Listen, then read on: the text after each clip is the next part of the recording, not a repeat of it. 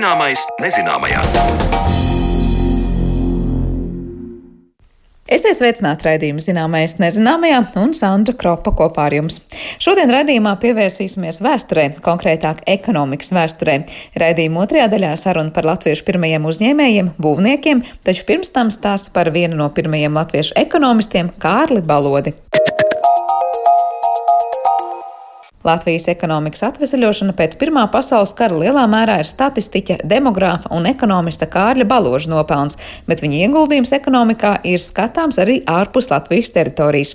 Kārlis Balodis ir piedalījies pie elektrifikācijas plāna izstrādes Vācijā, saņēmis Krievijas Zinātņu akadēmijas lielo zelta medaļu par pētījumiem statistikā, Pirmā pasaules kara beigās ieviesas pārtikas kartīšu sistēmu, vairāk par Kārļa Baloža nopelniem interesējās Zanilāce. Cilvēks ar tālredzīgu skatījumu uz lietām, liels zinātnieks ekonomikā un statistikā, pasaules mēroga personība.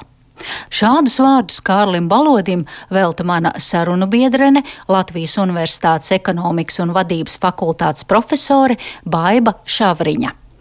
Kārlis Balodis ir dzimis Kokneses pagasta bilstiņu mūžā. Pašmācības ceļā sagatavojies ģimnāzijas gala eksāmeniem un veiksmīgi tos nokārtojis.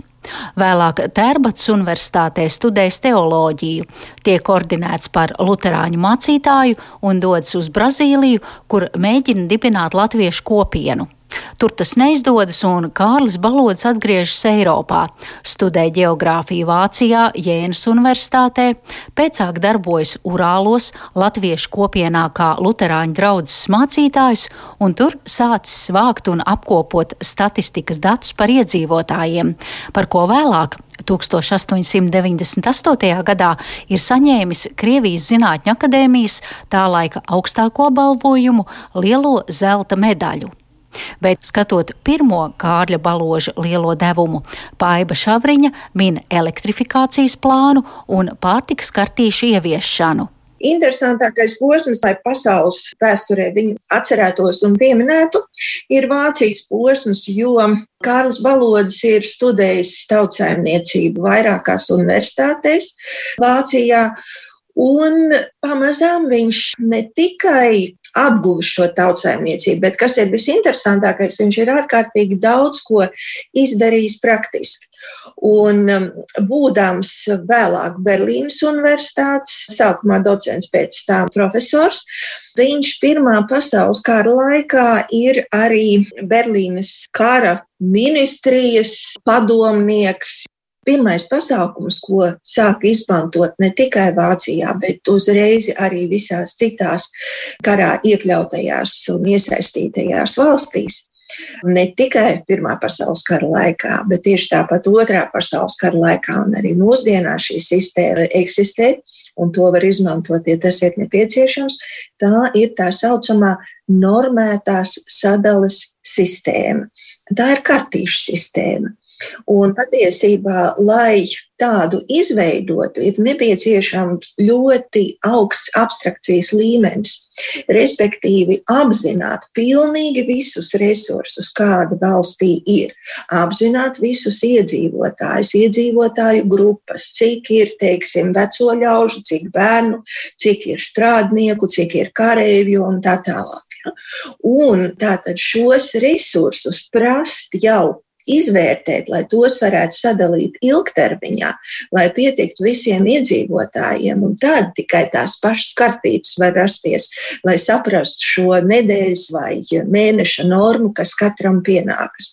Tā kā tas ir tiešām tāds unikāls pasākums no vienas puses, bet ir vēl citas darbības, ko viņš ir veicis, kas arī pasaules mērogā uzskatāms tiešām par tādu pirmo soli. Runa ir par eh, elektrifikācijas plānu, un tas ir vispār pirmais plāns pasaulē, valsts mērogā, ko izrādā Kārlis Balodis Vācijai un pēc tam arī Francijai.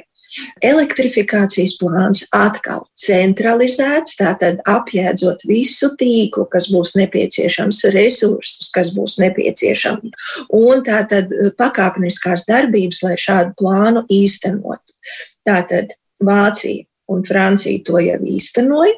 Un tālāk ir ļoti interesanti ar šo elektrifikācijas plānu, jo pirmajos jau gados Padomju Savienībā Ļeņins ir pārņemts ar ideju, ka milzīgā Krievija ir jāelektrificē. Un viņš mācās no balvošu pieredzes. Viņš arī atsaucas uz vācu autoru Karlu Ballodu, kuram ir šis plāns, un šādā veidā ir tapis eh, Goelro plāns, ja, tātad, kas ir darbstunēja elektrifikācija Rasija. Tātad ideju saviem celsmīgajiem vārdiem, ko Ļeņins pauda 1920. gada komunistiskās partijas kongresā - komunisms ir padomju vara plus visas zemes elektrifikācija, viņš ir ņēmis no izcila latviešu ekonoma un statistiķa Skatot tālāk Kārļa Baloža dzīves un darba gaitas, nonākam Latvijā pēc Pirmā pasaules kara. Kā teica Baiva Šavriņa, tad varam uzskatīt, ka tieši pateicoties Kārlim Balodim, te tiek izveidota normāla nodokļu sistēma un valsts budžets. Arī cukura rūpniecības attīstība starpkara Latvijā ir Kārļa Baloža nopelns viņš iesaka sēt cukurbietas, kas mums nekad nav bijušas. Un patiesībā Tas arī deva ļoti liels rezultātus, jo cukuru fabrikas, kas mums tika izveidotas 26. gadā, tā ir Jelgavas cukuru fabrika. Tālāk 32. gadā Krustpilī Un tieši tāpat 33. gadā Liepājas cukuru fabrika, kas nodrošināja ne tikai Latviju ar cukuru, bet mēs eksportējām arī cukuru. Un, un tā tad tas bija atkal vēl viens tāds ienākuma avots. Lai bez naudas apstākļos varētu lauksaimniecību attīstīt, viņš iesaka pirkt nevis govis, bet teļus, uh, un tieši tāpat nevis cūkas, bet sivēnus. Un, ja pirkt, tad censties nopirkt uh, tīrasiņu, tīrsugas dzīvniekus no Hollandas plāns, piemēram, ja, lai dabūtu augstāku ražīgumu. Un ļoti interesanti ir viņa doma par to, ka lauksaimniecībā nevajadzētu izjaukt lielās mūža saimniecības, jo šajās lielajās saimniecībās var izmantot eh, lauksaimniecības mašīnas. Un līdz ar to ražīgums būs krietni augstāks. Tātad, respektīvi, saimniecības eh, efektivitāte būs krietni, krietni augstāka. Un viņam ir arī pavisam konkrēts plāns, kā to darīt. Un viņš saka, ka nekādā gadījumā nevajag zemi atsavināt ekspropriācijas ceļā, bet ar kompensāciju, jo tas gan radīs labvēlīgas attiecības, ja, gan arī tiešām tam pilnīgi cits skanējums ir. Ļoti interesants ir arī pasākumu kopums, ko viņš piedāvā par mežu apsaimniekošanu. Un šeit es atļaušos nocitēt, nevar būt ne mazāko šaubu, ka privāti īpašnieki centīsies uz visdrīzāko mežus pārvērst naudā, tos nopostīt. Skaidrs, ka šāds ļoti, ļoti līdzīgs scenārijs notika arī mums 90. gados, kad uh, meži bija tiešām nu, tas pirmais uh, pieejamais naudas uh, avots, varbūt arī vieglākais, ko arī izmantoja. Latvijā Kārlis Balodis bija gan universitātes mācības spēks, gan arī trešās saimas deputāts, tomēr bieži vien viņa idejas palika nesaprastas un noraidītas. Tā jau ir, ka parasti jau cilvēku, kas ir ar tālāku redzējumu, nevienmēr saprot. Bet uh, Kārlis Balodis, nu, tieši tāpat viņš arī netika īpaši labi uztvērts arī Latvijas universitātē, arī politiskajā dzīvē. Kaut arī viņš bija lūk, um, darba savienības partijas dibinātājs, saimas loceklis. Ja, Tātad cilvēks, kurš tiešām, nu, kā mēs redzam, tie viņa ieteikumi ir ļoti dziļi un pamatoti, ar skaidriem, perfekti pierādīti. Un um, vēl viņam tādas interesantas domas, kuras noteikti grib pieminēt, ir par attiecībām ar Krieviju, jo viņš uzsver, ka nevajag īpaši ar Krieviju tiekties, draudzēties, vairāk ir jādraudzējas ar Baltiju. Un kas ir interesantākais, viņš pierāda to, ka Krievijai Baltijas valstis saimnieciski nav nepieciešams. Tātad populāri izmantotais arguments pieeja jūrai, tā nav problēma. Vai dieniņās tātad lūdzu var izmantot ostas, Tieši tāpat kā citas valstis izmanto citu valstu ostas. Tātad nav nepieciešama saimnieciska šī teritorija. Nu, kā redzat, ir prezumēts, vai ne, ka tas ir galvenokārt šis ģeopolitiskais aspekts, kurš dominēs. Cita starpā Kārlis Balodis arī uzrakstīja darbu vācu valodā Nākotnes valsts, kas tika balstīts uz rūpīgi izanalizētiem skaitļiem un faktiem.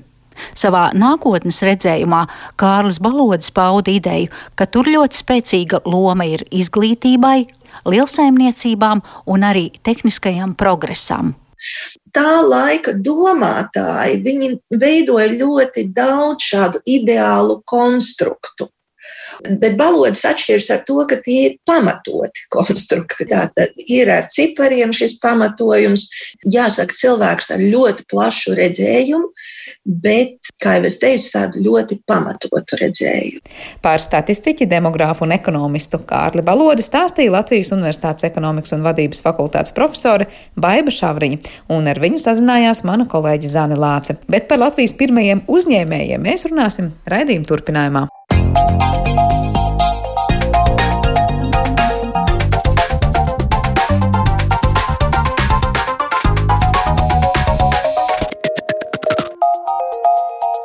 Zināmais nezināmajā.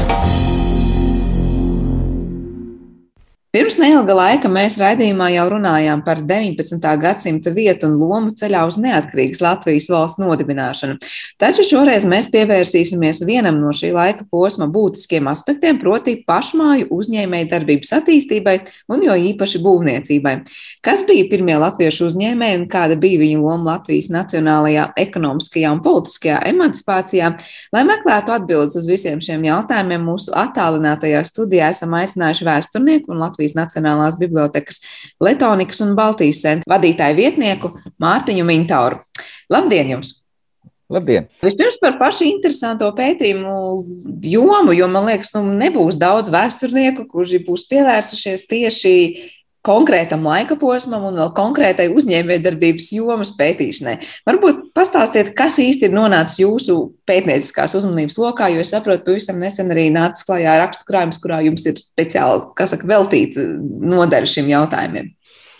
Jā, bija tāda iespēja piedalīties uh, projektā, kuru organizēja Latvijas Nacionālā biblioteka kopā ar Latvijas Universitātes vēstures un filozofijas fakultāti. Uh, Un šajā projektā viena no grāmatām, kas iznāca 2020. gadā, saucās Valsts valstī un bija veltīta uh, Latvijas teritorijai Krievijas impērijas pastāvēšanas laikā, tātad toreizējām Baltijas provincē. Un jāsaka, tas, ko, tas, ko jūs teicāt par, uh, par to, cik ir daudz pētījuši vēsturnieki tieši ekonomikas vēsturi, jāsaka, ka tas bija diezgan populārs uh, temats padomju laikā, ko varēja pētīt varbūt ar mazākiem uh, politiskiem vai ideoloģiskiem ierobežojumiem, jo, jo saimniecības vēsture vispār bija populāra tajā laikā. Mūsdienās tas, ir, tas akcents ir mainījies, un, protams, ja mēs domājam par, par jaunatviešu kustības laiku un par teiksim, to, kā attīstījās Latviešu nacionālā kustība 19. gadsimtā, tad lielākoties ir runa par pētījumiem, kas attiecas uz literatūru, uz varbūt arī mākslas vēsturi, to pašu arhitektūras vēsturi. Un manas intereses parasti ir bijušas saistītas ar, ar arhitektūras mantojumu un ar to, kā arhitektūra ir uh, iekļausies tajā kopējā vēsturiskajā ainavā 19. un arī 20. gadsimtā. Bet šoreiz man šķita uh, interesanti paskatīties uz to, kā mēs nokļūstam līdz uh, tam, ko šodien sauc par arhitektūras mantojumu, līdz tam pašam Rīgas jūgenstila un arī citu, citu arhitektūras stilu celtnēm, līdz faktiski visai tai visam tam Rīgas apbūves skeletam, visam Rīgas apbūves kompleksam, kas šodien ir nu, UNESCO pasaules mantojuma sarakstā. Jā, un, un parasti mēs apstājamies pie arhitektiem, mēs apstājamies pie mākslas stiliem, bet ir svarīgi ir arī saprast, teiksim, nu, kā tas viss radās un kas bija tas ekonomiskais pamats. Un tāpēc es mēģināju šajā rakstā, kas, kas krājumā ietilpst, arī paskatīties, kā radās latviešu būvniecēji un kāda bija viņu darbība 19. gadsimta beigās, 20. sākumā. Nu, tad jautājums jums, no kurienes viņi radās un kā viņi radās? Jo, protams, pašas sēkas mums tiešām, kā jūs teicāt, jūgas stils eh, priecē un ir redzams, bet kas slēpjas aiz tā, kā līdz tam tikām, tad laikam jums ir atklājumi. atklājumi. Kā mēs līdz tam tikām, tas ir stāsts par to, kā latviešu zemnieks nonāca pilsētā. Un, un tā ir tā 19. gadsimta otrās puses īpatnība, kad ar 19. gadsimta 70. un 80. gadiem faktiski jau ar 60. gadu beigām Rīgā ienāk ar vien lielāks skaits latviešu, kuri sākotnēji, protams, veido teiksim, to pilsētas strādniecības slāni, vai sīktirgotāju, vai sīko amatnieku slāni, bet kas ļoti ātri pieaug, jo ir aprēķināts, ka no 19. gadsimta otrās puses līdz Pirmā pasaules kara sākumam, tātad apmēram 60 gados, ik pa 20 gadiem Rīgas iedzīvotāju skaits ir divkāršojies. Un tas Rīgas iedzīvotāju skaits pieauga tādā milzu progresijā tieši lielā mērā pateicoties tam, ka no laukiem ienāca zemnieki. Tātad no, no dažādām Latvijas vietām, kuri faktiski jau otrajā paudzē daži no viņiem kļūst par uh, latviešu pilsonības pamatlicējiem. Tātad, ja pirmie dzimtas pārstāvji ieradās teiksim, 19. gadsimta 60. gadu otrajā pusē, tad, piemēram, pazīstamākais latviešu namīpašnieks un būvuzņēmējs Kristaps Bergs jau 1872. gadā pats kļūst par nekustamo īpašumu tirgus dalībnieku. Ja? Viņš jau pats pārdod un pērk nekustamos īpašumus. Tad faktiski jau otrajā paudzē izveidojas tas latviešu būvu uzņēmēju un namīpašnieku slānis, kurš arī veido pamatu latviešu pilsonībai, vai kā to agrāk sauc latviešu buržāzijas slānim pilsētās. Nu, pamatā mēs runājam par Rīgu. Mazāk ir zināms par uh, tā saucamajām provinces pilsētām, bet nu, tur, protams, tie materiāli droši vien, vēl arhīvos ir atrodami un būtu, būtu pētāmi. Tā būtu atsevišķa tēma, bet pamatā jau viss koncentrējās uz Rīgu, jo Rīgā bija lielākais teiksim, ekonomiskais apgrozījums un lielākā, lielākā arī saimnieciskā aktivitāte. Un tāpēc tie, tie patiesībā ir otrās paudzes zemnieki, kas ir kļuvuši par pilsētniekiem, kas ir adaptējušies, pielāgojušies dzīvē pilsētas vidē, un kas ir interesanti, ka viņi tomēr nezaudē teiksim, savu identitāti vai savu kultūras piedarības apziņu, jo kopš 1869. gada jau darbojas Rīgas Latviešu biedrība, kas mēģina arī šo latviešu sabiedrību, latviešu kopienu Rīgā organizēt un, un, un, un saturēt kopā. Ar, ar dažādām kultūras aktivitātēm, ar to pašu koru dziedāšanu, ar dziesmu svētkiem, un, bet ne tikai ar to, ar izglītības programmām, ar dažādām uh, dažādiem konkursiem un, un iespēju arī attīstīt savus talantus un pie viena arī nopelnīt. Tas viss tiek organizēts būtībā sabiedriskā kārtā par to pašu latviešu pilsoņu vai latviešu kapitālistu naudu. Ja? Bez, bez jebkāda valsts, valsts atbalsta. Nu, tā veidojas tā, tā latviešu sabiedrība Rīgā, kas pakāpeniski kļūst ar vien uh, nozīmīgāka gan skaita ziņā, gan arī ekonomiski. Jo, ja mēs paskatāmies statistiku, uh, 20. gadsimta sākumā, tad latviešu namīpašnieki ir starp lielākajiem nodokļu maksātājiem Rīgas pilsētā. Un tam tajā laikā Krievijas impērijā bija arī politiska nozīme, jo no nodokļu maksāšanas apmēra no tā, cik tu samaksāji valstī vai, vai pilsētai nodokļos, bija atkarīgas tavas politiskās tiesības. Jo tur bija tā saucamais mantas census attiecībā uz uh, pilsētas uh, domas vēlēšanām, un tad gan piedalīties vēlēšanās kā kandidāti, gan arī piedalīties kā balsotāji varēja tikai tie uh, pilsoņi, kuri bija nomaksājuši attiecīgu uh, naudas summu nodokļos pa gadu. Nu, un starp tiem lielākajiem nodokļu, nodokļu maksātājiem, tātad starp turīgākajiem Rīgas, Rīgas pilsoņiem, arī diezgan liels skaits latviešu, latviešu, latviešu namīpašnieku. Bet eh, cilvēki kļuva par namu īpašniekiem, tāpēc, ka viņi jau bija ar pietiekošu to savu finansu kapitālu, viņi bija pietiekoši turīgi, vai, vai būšana par namu īpašnieku ļāva viņiem to savu kapitālu uzģenerēt? Kā tur sanāk? Uh, vispirms viņiem, protams, vajadzēja to kapitālu izveidot, un tas pats uh, Kristaps Bergs vai, vai, vai viņa laika biedrs Kristaps Morbergs, vēlākais universitātes mecenāts, arī to savu kapitālu izveidoja pateicoties lielāko, lielākoties tirzniecībai. Un, piemēram, nu, arī Augusts Dombrovskis, kas bija, kas bija koktirgotājs un ko mēs visi atceramies sakarā ar Ziemeļblāzmas vesela rajona izveidošanu un Ziemeļblāzmas uh, biedrības namu, un, un visu šo vecmilgrāvu rajona, rajona attīstīšanu pateicoties Dombrovska kokrūpniecības industrijai. Un, un tā tas sākotnējais kapitāls, kas ļāva pēc tam pirkt uh, zemi, jeb apbūves gabalus, jeb kā to es teicu, gruntsgabalus un arī būvēt ēkas, uh, faktiski tika iegūts ar tirzniecības operācijām.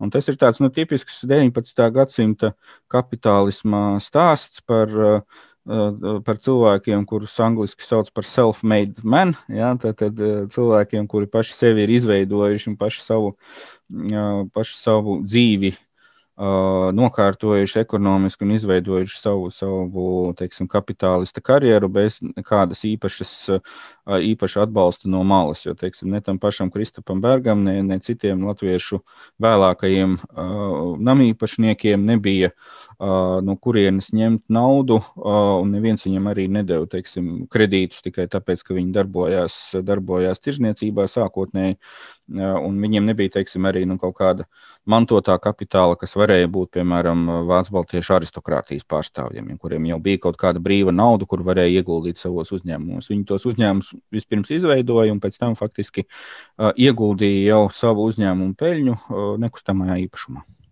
Bet, kad viņi jau kļuva par tā nekustamā īpašuma īpašniekiem, Jā. Viņi ar īres kaut kādām aktivitātēm, kā viņi tālāk, var teikt, nu, pelnīja naudu no tiem saviem īpašumiem, vai viņi tos pārdeva un tādā veidā vienkārši, kā saka, ieguldīja mazāk un ieguva vairāk. Jā, tieši tā. Tas ir tāds interesants jautājums, jo, jo to arī savulaik ir pētījuši Latvijas vēsturnieki, piemēram, Dzidra Ozoliņa. Vēl 20. gadsimta 70. un 80. gados arī vēlāk viņi ļoti daudz rakstīja par šiem jautājumiem, kā veidojās tā Rīgas Rīgas kapitālisma saimniecība.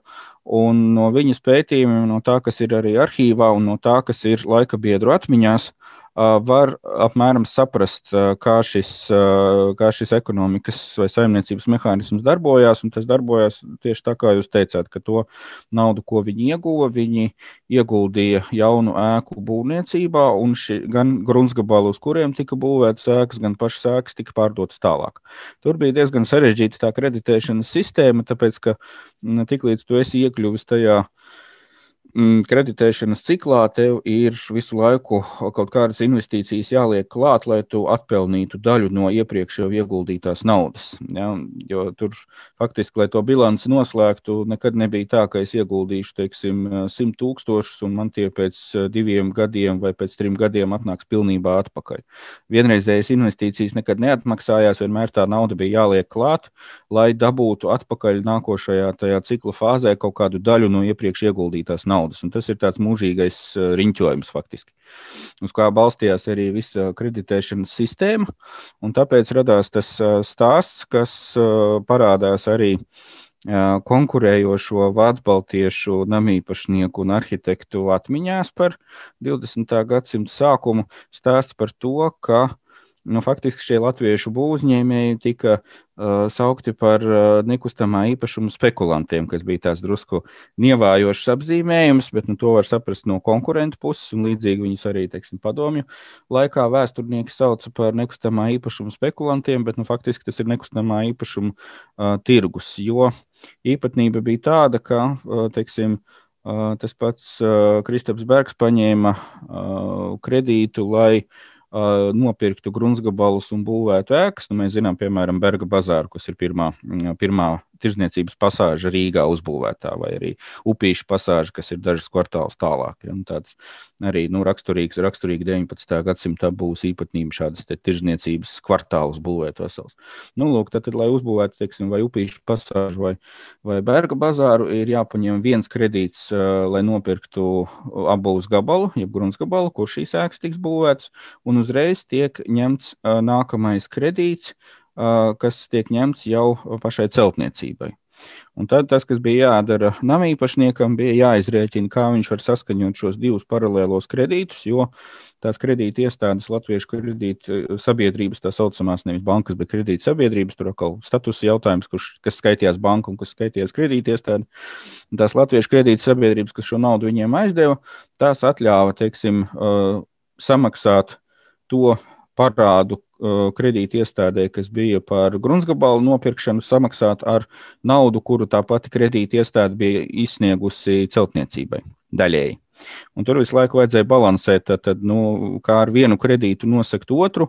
Tāpēc faktiski 20. gadsimta sākumā, pirms uh, Pirmā pasaules kara, uh, liela daļa uh, no šiem nekustamajiem īpašumiem juridiski piederēja kā, um, kredīti iestādēm, latviešu kredīti iestādēm. Īpašnieks skaitījās tātad, tas, kurš bija paņēmis šo kredītu, bet kamēr kredīts nebija atmaksāts, tad, tad nu, faktiski kredīti iestāde bija juridiski augstākais īpašnieks gan, gan tai ēkai, gan, uh, gan zemē, uz kuras ēka atradās. Un tāpēc tā bija tāda diezgan, diezgan tāda arī, nu, kā jau uh, finansu kapitālismā, tāda žonglēšana un, un, un balansēšana starp to, vai, vai izdosies saskaņot, teiksim, divus divus paralēlos kredītus, un vai ceļot ar vien jaunas ēkas, izdosies teiksim, atgūt kaut kādu daļu no tās naudas, kas jau ir ieguldīta. Un tāpēc arī būvēja to, to, ko mēs Rīgas centrā redzam, tā ir tā saucamās īres mājas, kuras tā arī uh, 20. gadsimta sākumā, 19. gadsimta beigās saucās. Krieviski bija tas apzīmējums Dahodnī dom, kas arī parāda šīs mājas funkciju. Tad, tad māja, kas sniedz ienākumus, un ienākumus sniedz dzīvokļu. Izīrēšana un pirmajos stāvos, protams, ierīkotie veikali, ja, kas arī ir nu, kom, ja komercplatība, kā mēs šodien saucam. Un tāpēc tas ir tas galvenais apbūves tips, kas pamazām apēda tās Rīgas priekšpilsētu koka mājiņas, kas šur un tur ir saglabājušās arī centrā pa vidu šīm lielajām 5 un 6 stāvu dzīvokļu un veikalu ēkām. Jo tas ļoti labi parāda, kā mainījās laikmets, uh, kad šīs priekšpilsētu dzīvojamās ēkas, kur šajās koka mājās, kuras mēs redzam vēl centrā, vai, teiksim, Maskavas priekšpilsētā vai Pārdaugavā, tur jau veikalu platība faktiski nav. Tās ir dzīvojamās ēkas kur varbūt dzīvoja pats īpašnieks un izīrēja vēl divus vai trīs dzīvokļus, cik nu tajā mājā varēja, varēja ielikt iekšā. Bet mainoties saimniecībai un vietā nākot, teiksim, liela mēroga tirzniecībai un visai sākot darboties šai kreditēšanas sistēmai, skaidrs, ka šīs vienai ģimenei un vēl varbūt trim, četriem īrniekiem domātās mājas vairs nebija ekonomiski izdevīgas. Tās plēsa nost un būvēja vietā tad, tad to, ko mēs pazīstam šodien kā Rīgas eklektikas un, un jūgenstila arhitektūras pērles, kas faktiski ir komerciālās darbības sekas. Nu, var protams, teikt? prestiža jautājums. Jā. Jā. Tad var teikt, ka vairāk tika kreditēts nu, mūsdienu izpratnē, nevis tā kā mēs tagad iedomājamies, es vēlos tur dzīvokli un nesēju prasīt bankā kredītu un iegādājos dzīvokli. Mm. Tolaik patiesībā vairāk tie kredīti tika izsniegti tiem, kas būvēja pašas mājas, Jā. nevis tiem, kas atsevišķus kaut kur dzīvokļus tādās mājās mēģināja iegādāties. Jā. Fenomens jā, jā, jā. jā, tas individuālais kredīts jau ir vēlāka laika parādība, kas ir tā kā, tā kā mēs šodien dzīvojam, ja, ka mēs ņemam bankā kredītu, lai, lai nopirktu teiksim, dzīvokli, un pēc tam kaut kādā laika periodā to kredītu atmaksāju. Uh, lielākoties bija tie, tie, tā īres prakse, ja, ko mēs ar teiksim, 20. gadsimta sākuma literatūrā varam, varam tur atrast, kā, kā jauni censoņi, rakstnieki vai, vai, vai ierēģi, vai, vai, vai kas, nu, kas nu viņi bija. Tad, tad mēģina vispirms samaksāt dzīvokli un pēc tam skatīties, cik tas cik paliek pāri. Bet tā ir maksa par dzīvokļu īri, ko noteikti noteica īpašnieks, un īpašnieks jau tālāk norēķinājās ar banku par to. Bet uh, ir mums zināmi gadījumi, ka, piemēram, banka aizdeva to laiku naudu, lai uzceltu kādu tādu vai pasāžu vai māju vienkārši. Un, uh, es nezinu, uz cik gadiem un kā to laiku tas mhm. notika, bet, ka, piemēram, neatmaksāja to naudu un tas palika bankas īpašumā, un pēc tam mums ir kaut kādi piemēri no tā, Tādi piemēri noteikti ir. Tie ir drusku arī vēsturnieku pētījumos pieminēti. Pirms, pirms otrā pasaules kara 30. gados arhitekts Pēters Bērskons uzrakstīja tādu lielu apcerējumu par, par dzīvokļu saimniecību Rīgā 1913.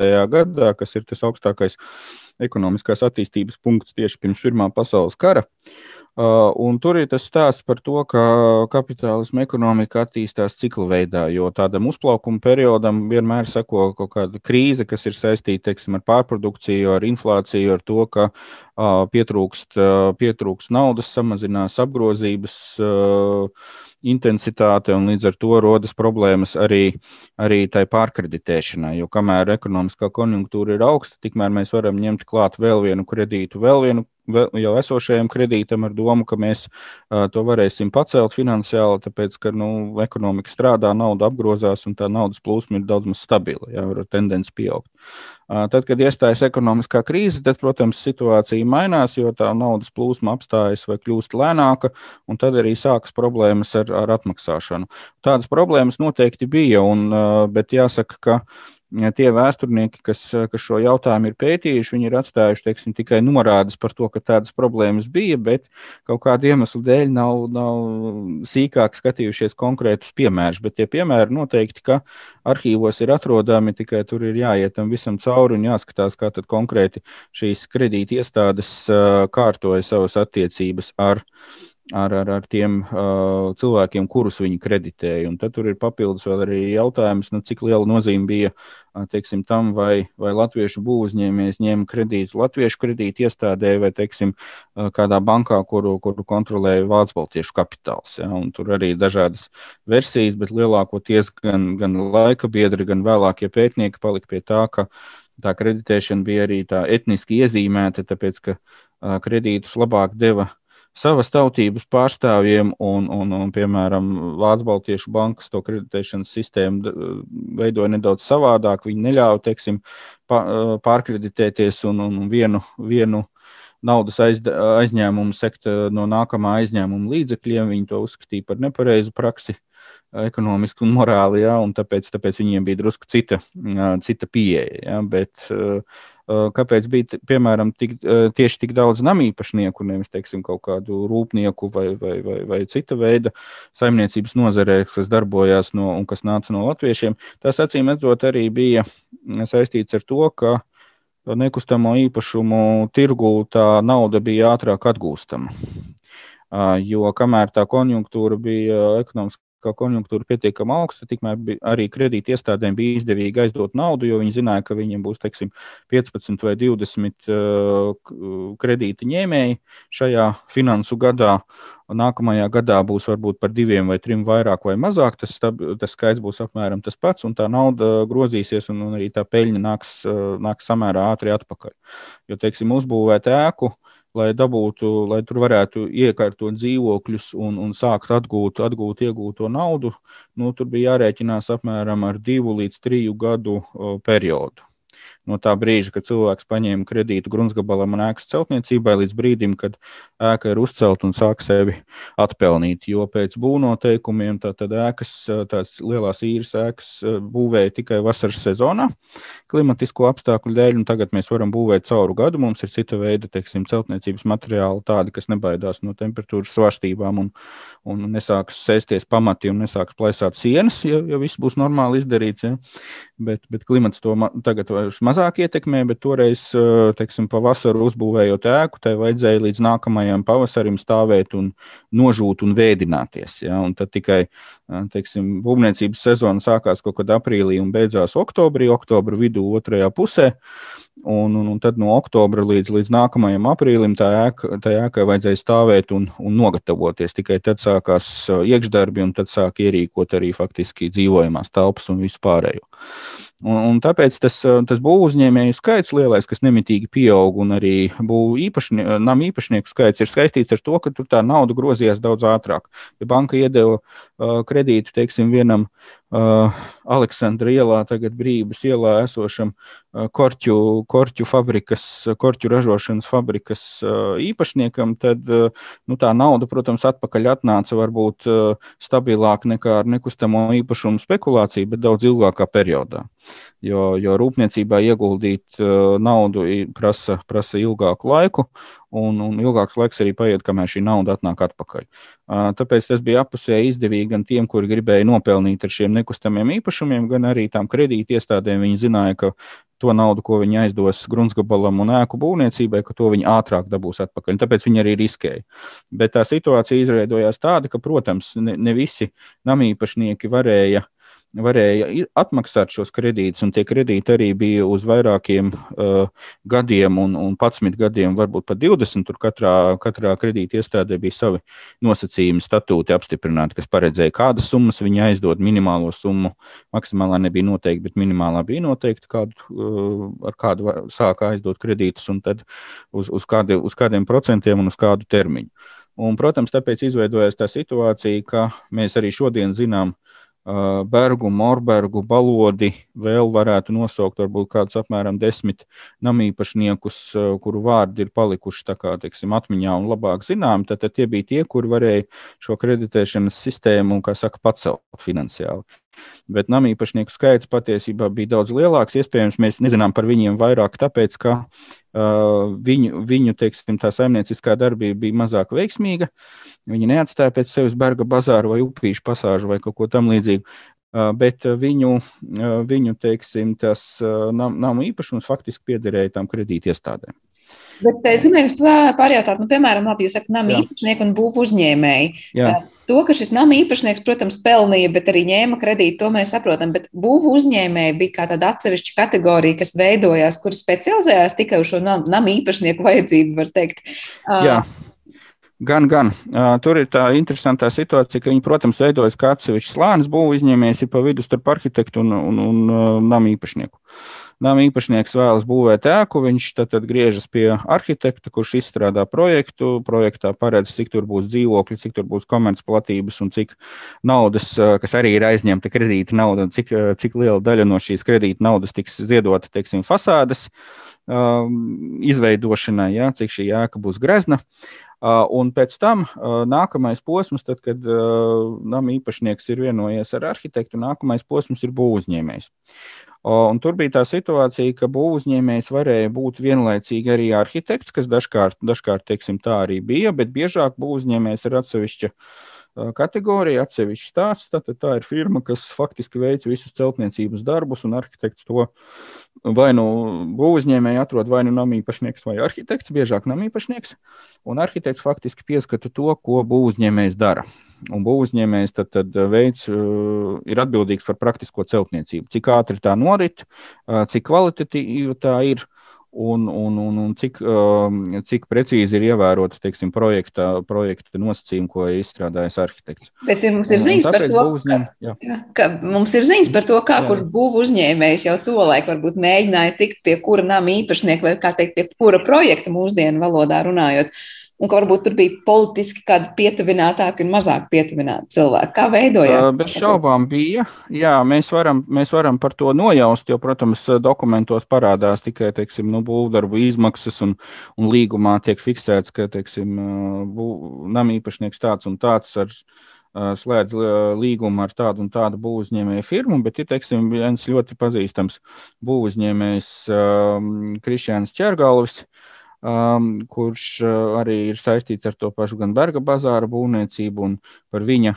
Par viņa to darbības vērienu liecina vēl joprojām Kronolda parkā ir tas nelielais paviljons, tāda rotonda ar, ar, ar arkām, kas ir saglabājusies no Rīgas 700 gadu izstādes no 1901. gada, kur tas bija faktiski ķergalvja celtniecības firmas tāds reklāmas, reklāmas paviljons, ja, kas palika pēc, pēc šīs izstādes un joprojām tur ir tajā parkā.